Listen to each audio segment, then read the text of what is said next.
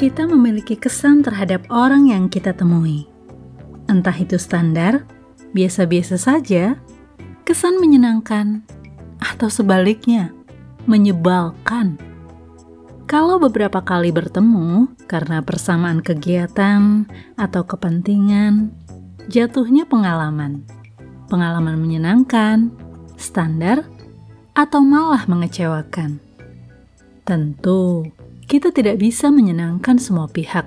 Kita tidak tahu persis keinginan dan kebutuhan orang lain. Tapi paling tidak, berbuat baiklah. Jangan menyakiti. Minimal, lakukan yang menjadi tanggung jawab kita saja. Itu sudah cukup untuk tidak menambah beban orang lain.